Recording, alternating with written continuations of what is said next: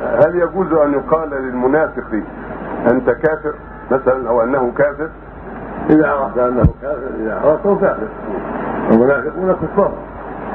قال الله في حقهم إن المنافقين في الدكه من النار ولن تجد لهم نصيرا نسأل الله العافية. وهم منافقون.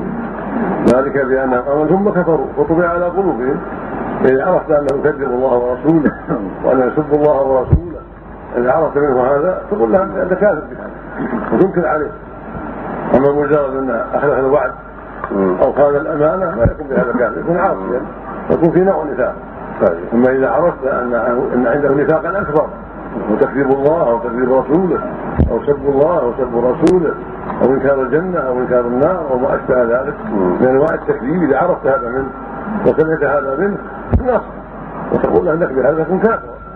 لعله يكذب على بنت